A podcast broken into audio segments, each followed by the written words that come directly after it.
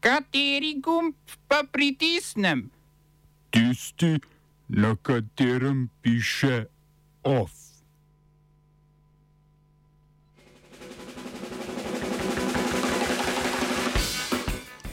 Izraelski rezervisti zaradi nasprotovanja pravosodni reformi v enodnevni bojkot letalskih vaj.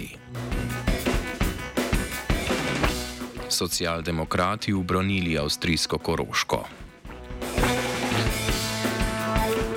Višje sodišče pritrdilo okrožnemu. Vrtovi ob Plečnikovem stadionu sodijo k fondovim blokom.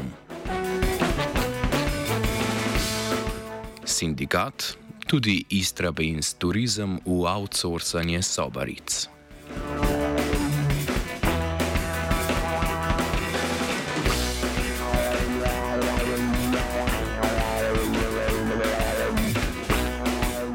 Lepo pozdravljeni. Države članice Združenih narodov so po skoraj 20 letih pogajanj dosegle mednarodni sporazum o zaščiti oceanov.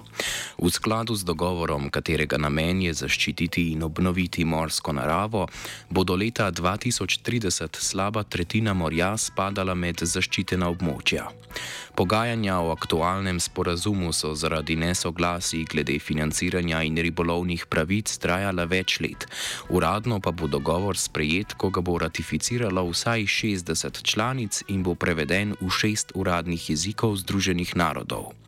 Na novih zaščitenih območjih, vzpostavljenih v sporazumu, bo količina ribolova omejena, zožene bodo poti po za pomorski promet in zmanjšan obseg dejavnosti, kot je globokomorsko rudarjenje, ki ovirajo morsko življenje in onesnažujejo oceane. Zadnji mednarodni sporazum za zaščito oceanov je bil podpisan leta 1982 in je zaščitil dober odstotek oceanov.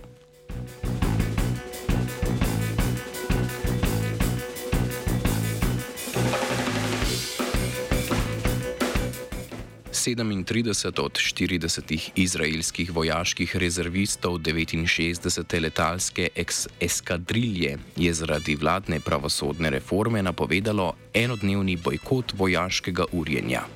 Reforma pravosodnega sistema, ki jo skozi parlament potiska koalicija Benjamina Netanjahuja, bo vrhovno sodišče postavila v podrejen položaj do zakonodajne in izvršilne oblasti.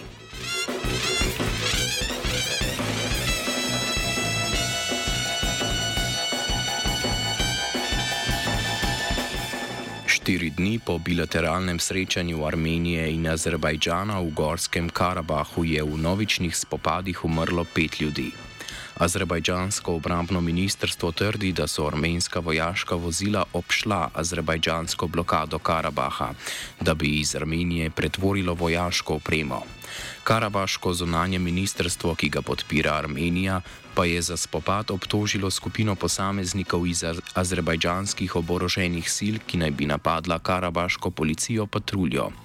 Armenija in Azerbajdžan sta zaradi Gorskega Karabaha v konfliktu od začetka 90-ih let prejšnjega stoletja. V drugi karabaški vojni pred slabimi tremi leti je zmagal Azerbajdžan.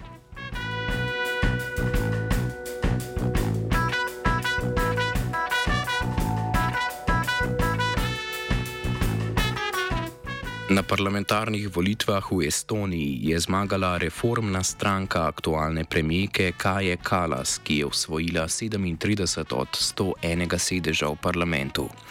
Drugo uvrščena konzervativna stranka Ekre si je zagotovila 17 sedežev, sledili pa sta ji stranka Centra s 16 sedeži in liberalna stranka Estland 200 s 14 sedeži. Doslej je Kalas vlado vodila skupaj s stranko iz sama, ki je na tokratnih volitvah izgubila štiri sedeže, in socialdemokrati, ki so izgubili en sedež.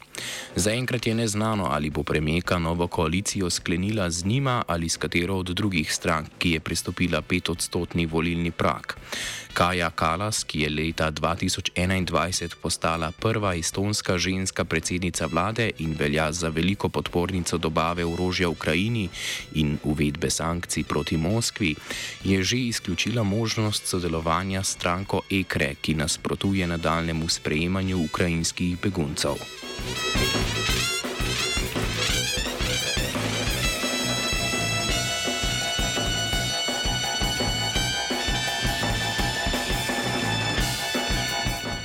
Na volitvah v deželni zbor avstrijske Koroške so zmagali socialdemokrati, ki so prejeli slabih 40 odstotkov glasov.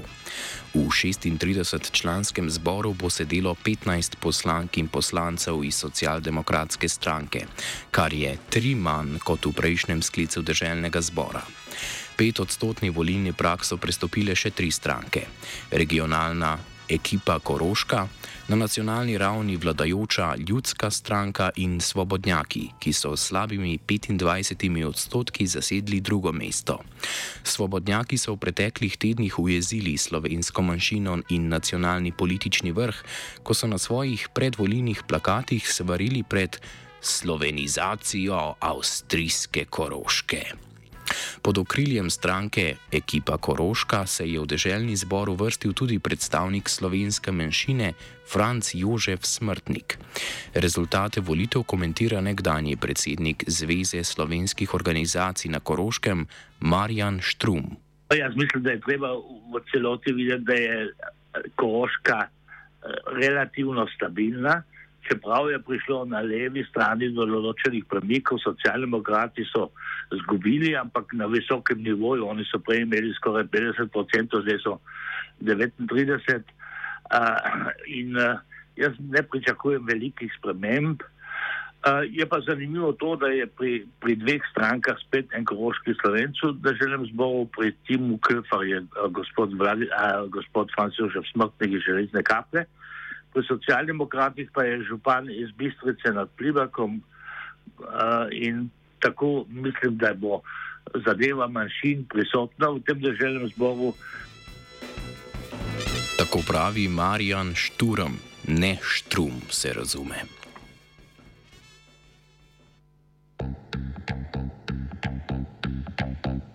Smo se osamosvojili, nismo se pa osvobodili leta še 500 projektov. Izpiljene modele, kako so se strani nekdanje LDS rotirali. Ko to dvoje zmešamo v pravilno zmes, dobimo zgodbo o uspehu. Takemu političnemu razvoju se reče udar. Jaz to vem, da je nezakonito, ampak kaj nam pa ostane? Brutalni obračun s politično korupcijo. To je Slovenija, tukaj je naša zemlja, to je Slovenija, Slovenija, Slovenija. Višje sodišče je v postopku ugotovitve skupnega pripadajočega zemljišča parcelom z vrtovi ob Plešnikovem stadionu ponovno prisodilo fondovim blokom. Prvi sodni postopek so prebivalci sprožili leta 2009, ko, je, ko je mestna občina Ljubljana parcelo kot svoj delež uložila v projekt Bežigrajski športni park, krajše BŠP, katerega večinski lastnik je poslovnež Joc Pečečnik. Okrajno sodišče v Ljubljani je pred več kot letom dni razsodilo, da so vrtovi pripadajo stanovalcem fondovih blokov in ne BŠP a so se investitorji na odločitev pritožili. Na Ministrstvu za naravne vire in prostor sicer v ponovljenem postopku odločajo o gradbenem dovoljenju za projekt BŠP, ki je na območju vrtov predvideval gradnjo treh poslovnih stavb. Pomen odločitve sodišča za prebivalce fondovih blokov in njene implikacije za prenovo Plečnikovega stadiona pojasni predstavnica koordinacijskega odbora stanovalcev Karmen Stariha. Eh, res smo veseli, ker prvič pomeni tudi potrditev, da so bile naše zahteve in zauzemanja res upravičena in pravilna. Um, po drugi strani pa seveda tudi možnost, da lahko ohranimo svojo lastnino in kakovost bivanja v naselju. Želimo si in pričakujemo, da to pomeni tudi zaključek projekta BŠP in za nas tudi končno razbremenitev vseh teh pritiskov, ki smo jih doživljali več kot deset let, um, pri tem, ko smo se zauzemali za svoje legitimne pravice. Seveda nas, nam pa ob tem niti slučajno ni vseeno, ampak je za nas zelo pomembno, kaj se bo dogajalo zdaj tudi s kulturnim spomenikom v soseščini, plečnikovim stadionom. Upamo in tudi pričakujemo, da bo ta odločitev vplivala tudi na to, da se bo začelo pospešeno z njegovim reševanjem, obnovo v izvirni obliki, da se ga bo obnovilo na način, kot to zahtevajo predpisi z področja varstva kulturne dediščine in da bo čim prej vrnjen vsem v javno uporabo. Sindikat delavcev gostinstva in turizma opozarja, da bodo sobarice Istrabens turizma, družbe v državni lasti, po sledih sobaric družbe Sava Turizem prešle na zunanjega izvajalca. Istrabens turizem ima sicer v lasti več portoroških hotelov. Sindikat je v pozivu namenjenem premiju Robertu Golobu, ministrom za delo, finance in gospodarstvo ter slovenskemu državnemu holdingu zapisal, da imajo sobarice slabe pogoje dela, sramotno nizke plače in majhne dodatke, ter vlado pozval kot pravi izkoriščevalskega modela.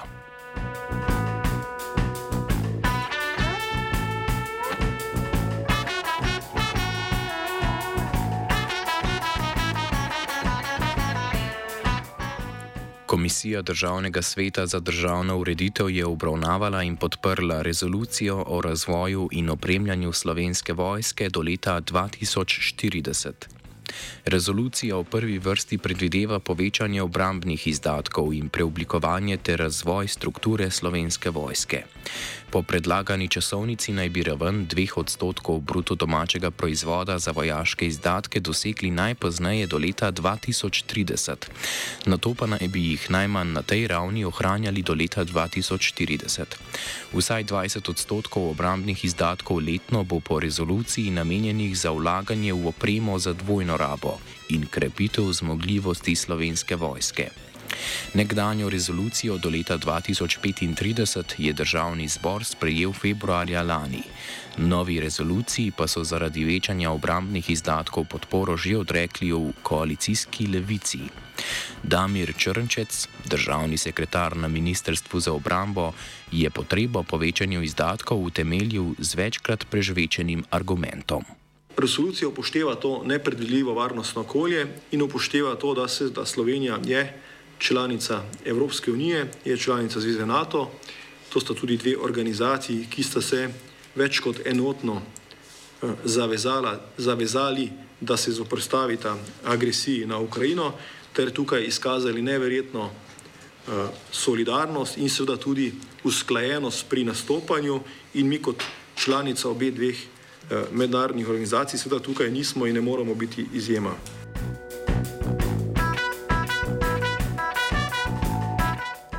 OF je pripravila Lara, pod prste je gledal Matija.